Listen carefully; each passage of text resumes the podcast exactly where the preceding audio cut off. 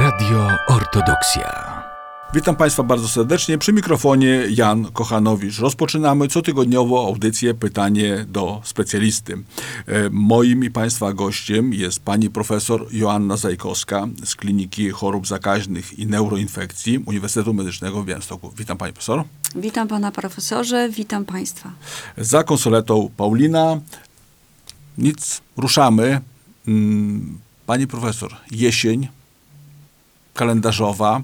My y, jesień kojarzymy z przeziębieniami, z grypą.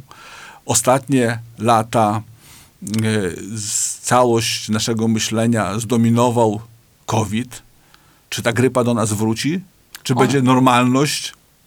Y, Grypa cały czas z nami jest, tylko zachowania w czasie COVID-u, czyli dystans, maseczki, ym, pewne izolowanie się, zmniejszenie kontaktów spowodowało, że tej grypy było mniej. Mniej zresztą, że ją identyfikowaliśmy.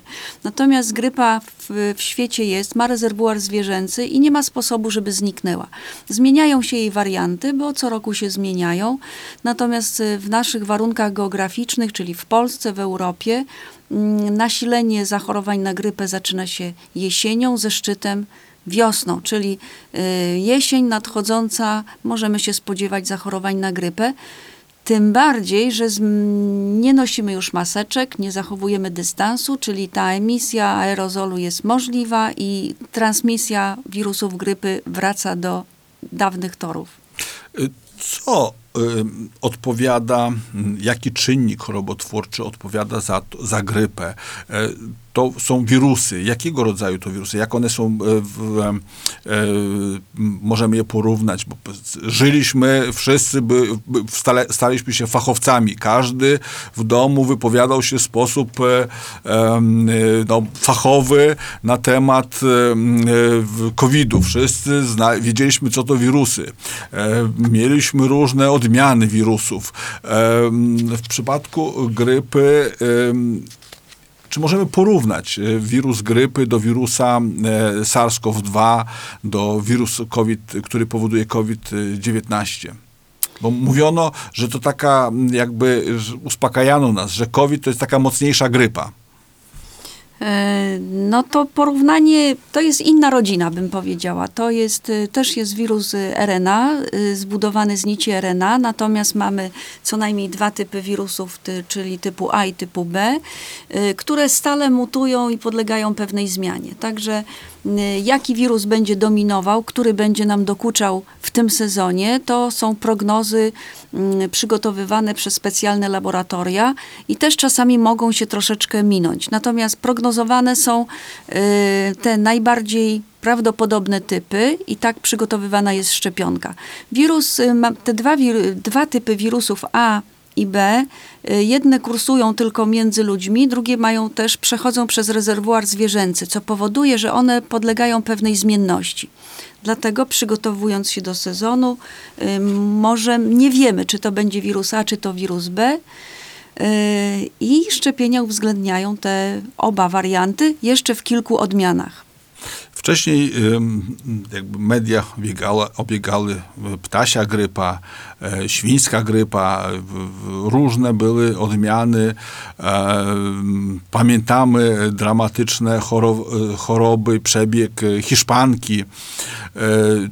Czy y, jakimi objawami grypa? Kiedy możemy mówić o przeziębieniu? Kiedy mówimy, e, czy na podstawie objawów możemy zróżnicować, że mamy grypę, mamy przeziębienie, e, mamy COVID-19, bo też jeszcze nas e, nie opuścił?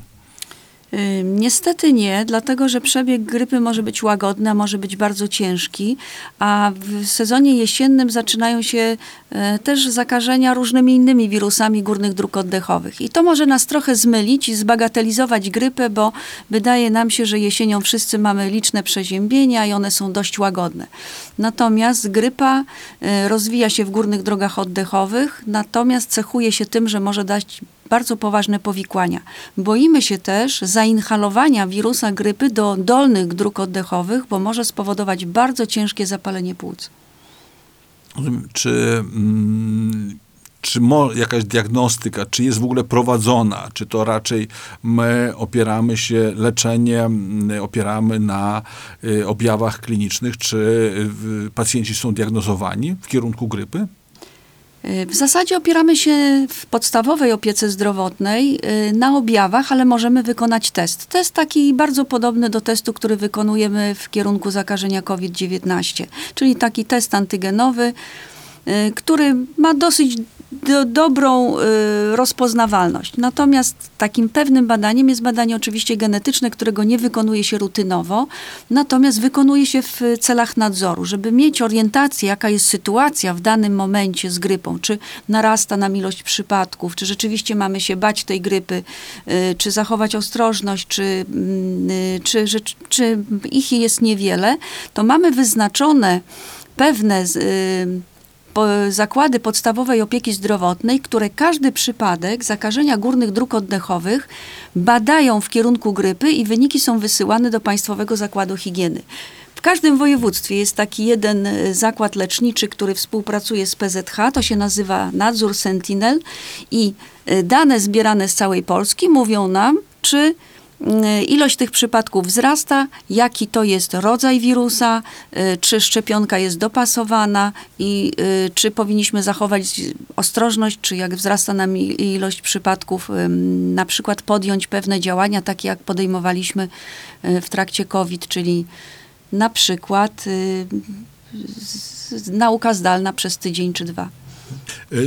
Bo my w trakcie, powiedzmy, no, pandemii e, przyzwyczailiśmy się do tego, że badania genetyczne, dokładne, e, trafiły praktycznie no, do każdego z nas. Każdy z nas mógł mieć wykonane badanie dwugenowe, trzygenowe.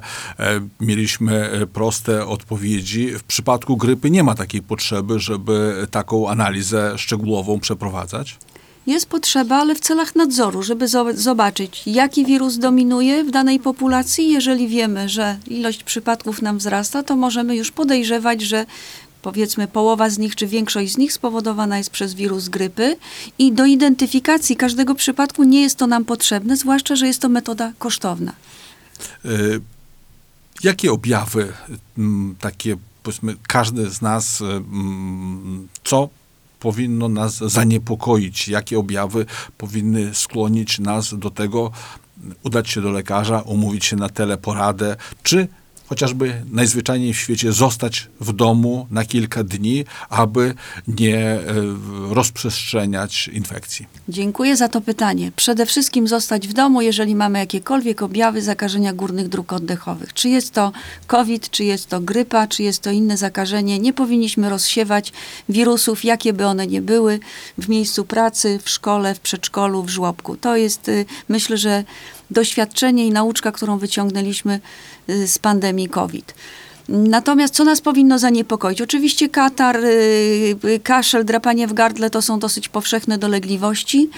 Natomiast grypa powinna zwrócić naszą uwagę, że może to być grypa, jeżeli zaczyna nas boleć głowa, jeżeli mamy wysoką gorączkę, mamy bóle mięśni, y, y, bóle kości, przeszkadza nam kołdra, przeszkadza nam światło, czujemy się generalnie bardzo źle. To łamanie w kościach przecież nazywamy często objawami grypopodobnymi. E, Pani profesor, e, zostaliśmy w domu. Czy czekamy, aż nas przejdzie, czy ewentualnie jakieś e, leki możemy zastosować?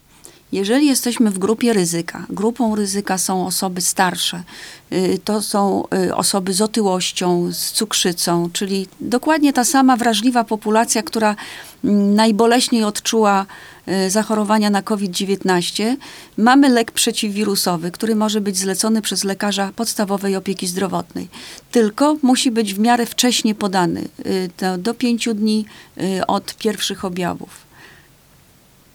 Czy leki, które m, mam e, w swojej domowej aptece, w tak zwane leki bezreceptowe, e, dostępność ich w sklepie spożywczym, stacji benzynowej, nie wspomnę o aptece, czy one mają jakiekolwiek e, znaczenie w przebiegu grypy, tudzież e, innych zakażeń wirusowych? Jest bardzo wiele preparatów, które łagodzą. To znaczy nie ma, te- jest jeden lek, który działa bezpośrednio na namnażający się g- wirus grypy i on jest przepisywany przez lekarza. Natomiast reszta leków, które możemy kupić w aptece czy na stacji benzynowej, łagodzi objawy choroby i pozwala nam bardziej komfortowo przeżyć tę chorobę. Natomiast Niezwykle ważne są zalecenia naszych babci, czyli pozostać w spoczynku. Jest to bardzo mądra rada, żeby leżeć w łóżku i nie biegać po schodach, nie chodzić do pracy i nie, nie wykonywać wysiłku fizycznego, bo w ten sposób możemy zainhalować materiał do płuc, czyli wirus, który namnaża się w górnych drogach oddechowych, czyli w gardle, dostanie się do płuc i może spowodować bardzo ciężkie zapalenie płuc. Także spoczynek. Leżenie pod, pod kołdrą, pod ciepłym kocem, wypijanie soku malinowego, czyli dbanie o to, żeby e, ta wyższa temperatura, którą mamy, wirusy nie lubią. Wirusy lubią, jak jest chłodno, jak jest zimno, e, czyli wypijanie te takie napotne, na- rozgrzewające napoje jak najbardziej. No i oczywiście, jak bardzo gorączkujemy, bolą nas kości, to ma, znamy takie leki jak niesterydowe przeciwzapalne, czyli paracetamol, ibuprofen. Y, Z aspiryną ostrożnie. Y, Tutaj bym radziła dużą ostrożność, bo jednak ma działanie przeciwzakrzepowe, a sama grypa też może spowodować krwawienia z naczyń, krwotoki z nosa, to też Państwo na pewno y, wiecie. E, Panie profesor, no, mm, przebieg choroby zaastrza się, e, no nie jest nam lekko. Jak się może grypa powikłać?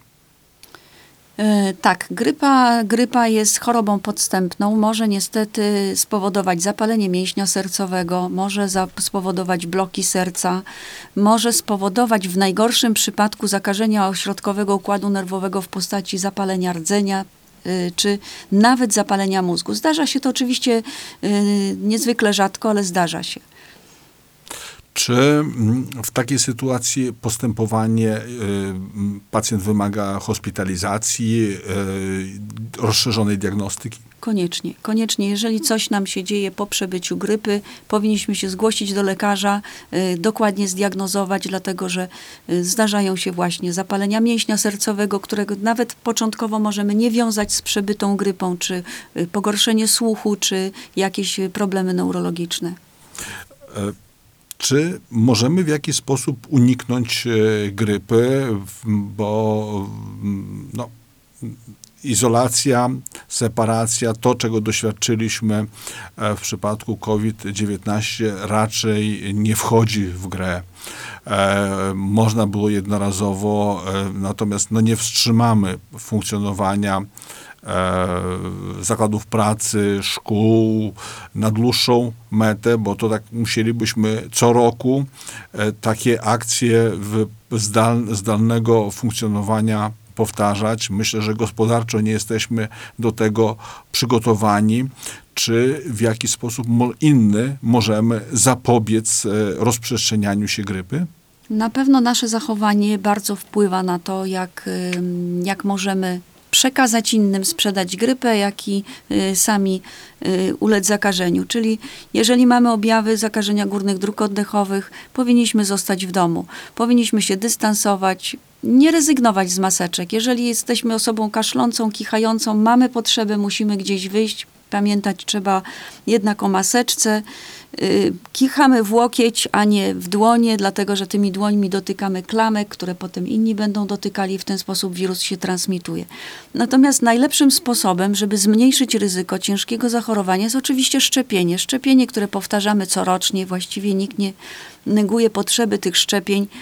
Y, Wydaje się, że mm, pandemia COVID-u uwrażliwiła nas na skuteczność szczepionek.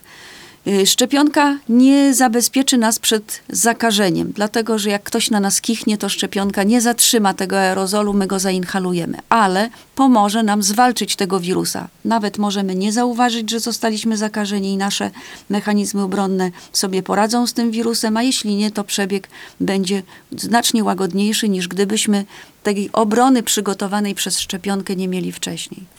Y, Krytycy szczepień y, mówią, że y, grypa jest na tyle, y, mm, wirus grypy jest na tyle dynamiczny, mutuje się, że szczepionka, która jest przygotowywana na dany sezon, jest to prognoza i w oparciu o to, co było. Czyli my jakby nie szczepimy się przeciwko wirusowi aktualnemu, tylko przeciwko tym wirusom, które już były. I w takiej sytuacji stawiają pod znakiem zapytania, po co się szczepić tym, co już było? Pytanie jest dobre, natomiast żeby odpowiedzieć na to pytanie, właśnie prowadzone są badania. Prowadzone są badania, jakie szczepy w jakich regionach świata y, się rozprzestrzeniają, y, y, jak komunikujemy się. Są przygotowywane modele matematyczne, które prognozują, jakie populacje w jakich kierunkach się przemieszczają, gdzie, w jaki sposób mogą się wymieszać te warianty, które w świecie są. I dlatego szczepionka jest też czterowalentna, czyli składa się z czterech potencjalnych wariantów. Najbardziej prawdopodobnych w oparciu o modelowanie matematyczne, bardzo y, o naukowe metody, y, przygotowana jest taka prognoza z czteroskładnikowej szczepionki, która y, powinna nas przygotować na następny sezon. Oczywiście może się zdarzyć jakiś nieprzewidziany tak z, mutacja, która zdominuje wszystkie inne szczepy, ale raczej jest to mało prawdopodobne i te prognozy w 99% się sprawdzają. E, Pani profesor, e, kto powinien się szczepić? E, Do kogo akcja szczepienna jest skier- skierowana? I jeśli już zdecydujemy się na szczepienie, w jakim okresie najlepiej to szczepienie wykonać? Y, Jeżeli chodzi o czas wykonania, to najlepszy jest ten moment w tej chwili. Październik, y, październik to jest taki moment, kiedy przygotowujemy się na ten sezon jesienny, kiedy zaczynają się już duże różnice temperatur, wchodzimy z zimnego do ciepłego i na odwrót i to są te sytuacje, które sprzyjają zakażeniom wirusowym. Jesteśmy w zamkniętych pomieszczeniach, czyli dokładnie ta sama droga transmisji jak COVID. 19. Zatem październik to jest najlepsza, właściwie możemy już zacząć koniec września, październik. Natomiast kto powinien? Mm, Te osoby, które mogą ciężko zachorować.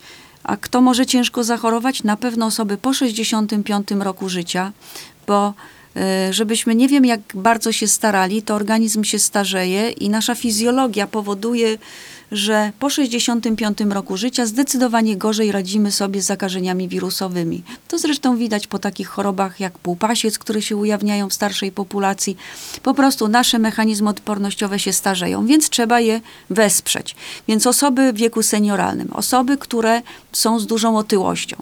Jak my tyjemy i obrastamy masą, to płuca nie, da, nie nadążają, nie, nie wzrastają, tylko muszą tak, że tak powiem kolokwialnie, obsłużyć tę zwiększoną masę ciała. I teraz e, infekcja dróg oddechowych, która zabierze nam część powierzchni oddechowej, bardzo szybko taką osobę z nadwagą, z otyłością może w, wprowadzić w stan niewydolności oddechowej. To samo dotyczy też kobiet ciąży w trzecim trymestrze ciąży, dlatego zaleca się szczepienie. Przepona gorzej pracuje, mniejsze płuca w stosunku do reszty masy ciała. No i wszystkie choroby związane z mm, płucami, czyli obturacyjna choroba płuc, astma, choroby kardiologiczne, które powodują zastój krwi w płucach. Y, Wszystkie te choroby towarzyszące, które najczęściej ujawniają się w wieku senioralnym. Także na pewno osoby starsze z wielochorobowością, osoby otyłe i kobiety w ciąży.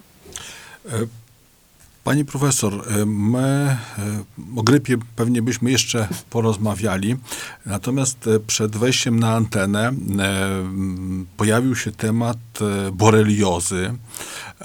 Jest to, mieszkamy w obszarze no, o dużej ilości kleszczy, które są zakażone krętkiem Borrelia Burdorferi. E, O ile e, szczepienia przeciwko kleszczowemu zapaleniu mózgu i rdzenia e, są popularne, stosujemy je od wielu lat, nie było szczepionki przeciwko boreliozie. Natomiast pani profesor tutaj przedstawiła nam możli, możliwości, które daje nauka i wspomniała o badaniu klinicznym w szczepionki przeciwko boreliozie. Czy e, mogę prosić o takie już na antenie, o przybliżenie, tematu, co to takiego jest, jak to wygląda?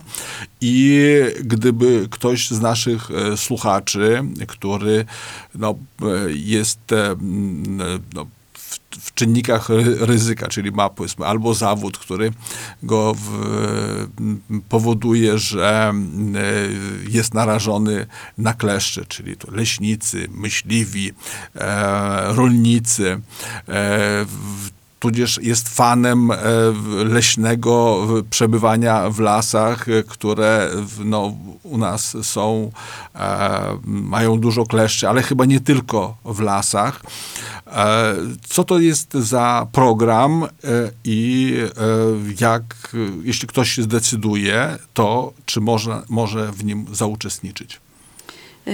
Tak, bardzo dziękuję za podjęcie tego tematu. Oczywiście o grzybiarzach zapomnieliśmy. Zaczyna się sezon grzybowy. Ja mam nadzieję, że jeszcze będą ciepłe dni i jeszcze mamy szansę na, y, na duże zbiory grzybów. Y, Na Śląsku wiem, że tych grzybów jest bardzo dużo, więc myślę, że i u nas mogą się pojawić. Y, właściciele psów, ogrodów, także tutaj jesteśmy na Podlasiu, tych kleszczy rzeczywiście jest dużo. Y, Szczepionka przygotowana jest, to jest bezpieczna szczepionka, która wchodzi w trzecią fazę badań klinicznych. Rynek szczepionek rośnie.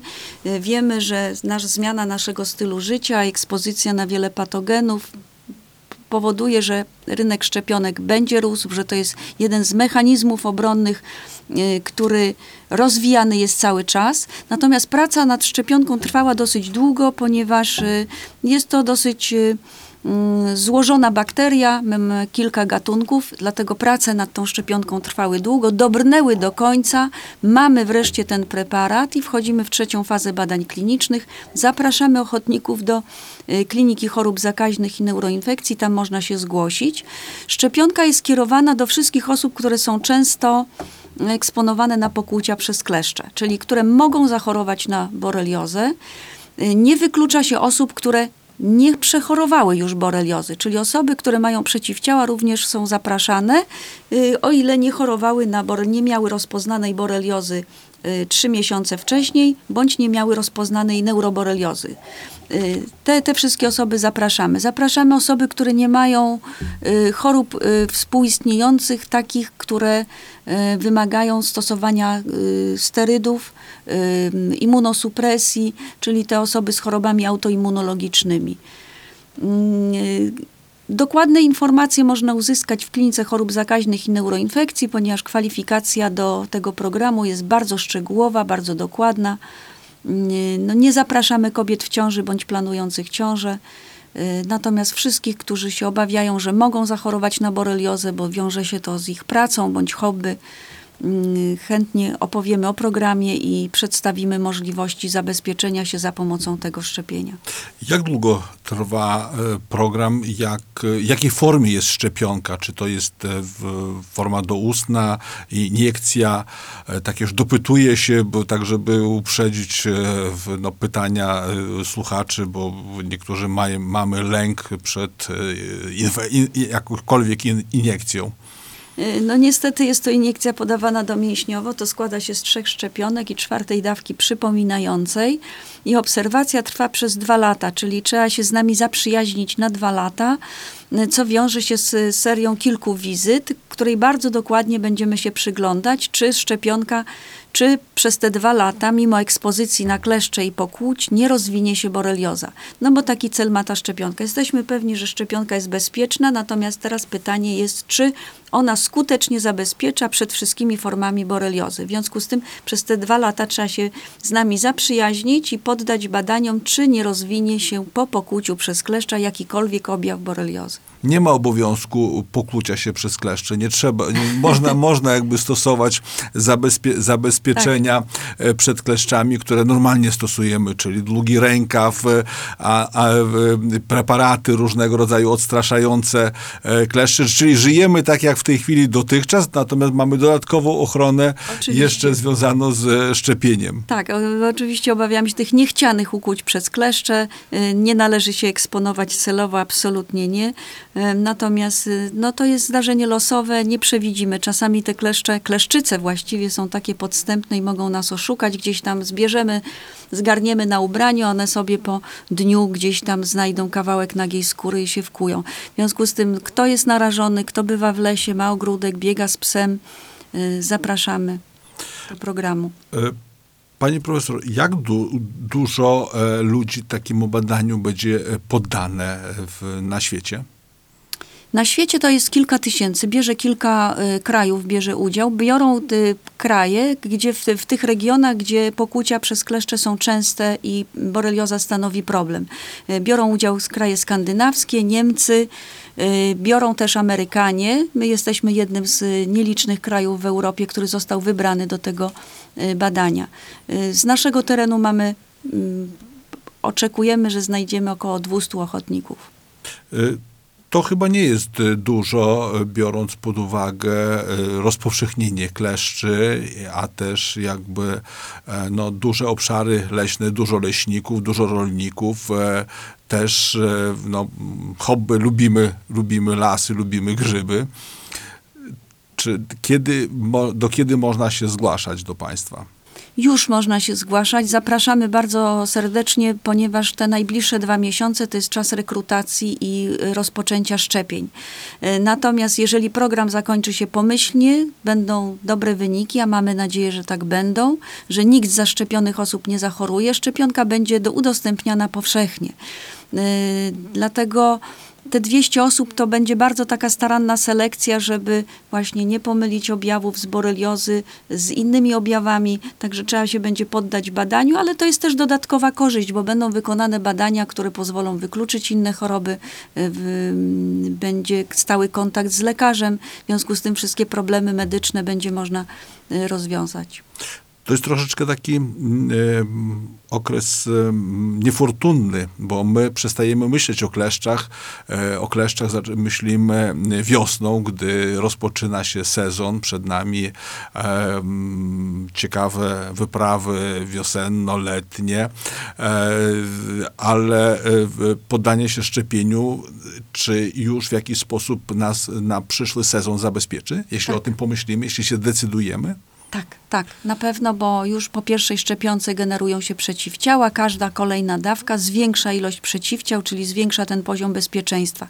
Natomiast ja Państwa chciałam jednak y, mm, uprzedzić, żeby nie być bardzo ostrożnym. Ostatnie zachorowanie, które mieliśmy, było w połowie grudnia w ubiegłym roku, bardzo ciężkie, w związku z tym kleszcze nie idą spać te, tak szybko. Te, te temperatury, te temperatury, które są powyżej 0 stopni do 7 stopni powodują, że kleszcze są aktywne, a nawet jeżeli one jest mm, jeden ciepły dzień, one potrafią się obudzić i gdzieś tam możemy je zgarnąć i przynieść do domu. Także do połowy grudnia uważamy, że to jest sezon aktywności kleszczy nadal. E, Nie byłbym sobą, jakbym nie zapytał na koniec o e, m, COVID-19. E, Wakacje praktycznie nas uspokoiły. Ró- Różne kierunki wypoczynkowe zostały otwarte, restrykcje m, e, zniesiono. Czy tak rzeczywiście jest? Czy ym, COVID-19 oddalił się, zapomniał, czy też zdarzają się pacjenci i z jakimi objawami? Oni się nie zdarzają, oni są cały czas. y, W naszej klinice półoddziału przeznaczony jest dla pacjentów z COVID-19. Osoby szczepione, osoby młode, rzeczywiście zmienił się charakter tej pandemii, czyli omikron stępił kły covidowi. Y, Jest to choroba łagodniejsza, natomiast potrafi y, pozostawiać skutki w postaci tak zwanych long COVID, czyli powikłań, które mogą być. Także nie warto chorować. Naprawdę lista y, powodów, dla których nie warto chorować nawet łagodnie jest dosyć długa. Natomiast mamy cały czas chorych, mamy chorych senioralnych, dla których to jest y, ciężka choroba. Ym, chorzy ci są hospitalizowani, staramy się ich leczyć, efekt y, różnie bywa, dlatego że w wieku lat 80 i więcej to nawet dość łagodne zakażenie potrafi być y, w skutkach bardzo ciężkie. Ja natomiast chciałam powiedzieć, że bagatelizując, przynosimy do domu jednak COVID. Pamiętajmy o tych naszych starszych osobach, które nie wychodzą z domu, których my częstujemy tym COVID-em. W związku z tym y, dzieci w wieku szkolnym, jeżeli są zakatarzone, jeżeli mają objawy mm, zakażenia górnych dróg oddechowych, bądźmy ostrożni, nie kontaktujmy się w tym czasie z naszymi seniorami w domu, dlatego że pobyt w szpitalu dla osoby, która skończyła 80 lat, jest naprawdę bardzo ciężki. W izolacji, e, w zupełnie innych warunkach. Sama hospitalizacja już jest dużym mm, przeżyciem, a jeszcze z chorobą, kiedy nie ma nikogo najbliższego, kto może pomóc, jest naprawdę bardzo ciężka, bardzo trudna dla tych osób. Chronimy naszych seniorów, e, czyli zasada dystansu, maseczka, dezynfekcja cały czas jest aktualna, ochroni nas przed y, COVID-19, ale też i przed grypą. Oczywiście. Pani profesor, bardzo dziękuję za bardzo ciekawe m, s- em, spotkanie. Myślę, że e, bariery i mity związane ze szczepieniami e, w przypadku chorób zakaźnych e, powinniśmy powoli e, przełamywać. Te szczepienia e, coraz częściej nas e, ratują przed różnego rodzaju chorobami e, zakaźnymi, wirusowymi, bakteryjnymi. E, Natomiast cały czas ruch, rośnie ruch antyszczepionkowy. E, Skąd takie popularność antyszczepionkowców? Myślę, że tutaj media y, dużo wnoszą, media społecznościowe, gdzie nie ma selekcji, gdzie każdy głos jest równie słyszalny. Natomiast no, badania naukowe, zdrowy rozsądek, y, to co, to co wiemy, a poza tym per, moja perspektywa ze szpitala to absolutnie nie potrafi tutaj zaakceptować zniechęcania do szczepień. Szczepienia to jest przyszłość. Bardzo mi się podoba takie hasło WHO, które tutaj jest. Bądź mądry, zostań bezpieczny i chroń innych.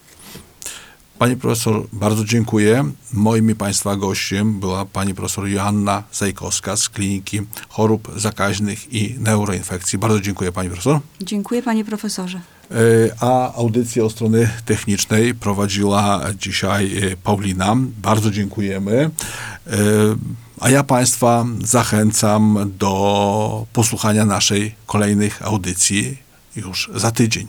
Do widzenia. Do widzenia państwu. Radio Ortodoksja.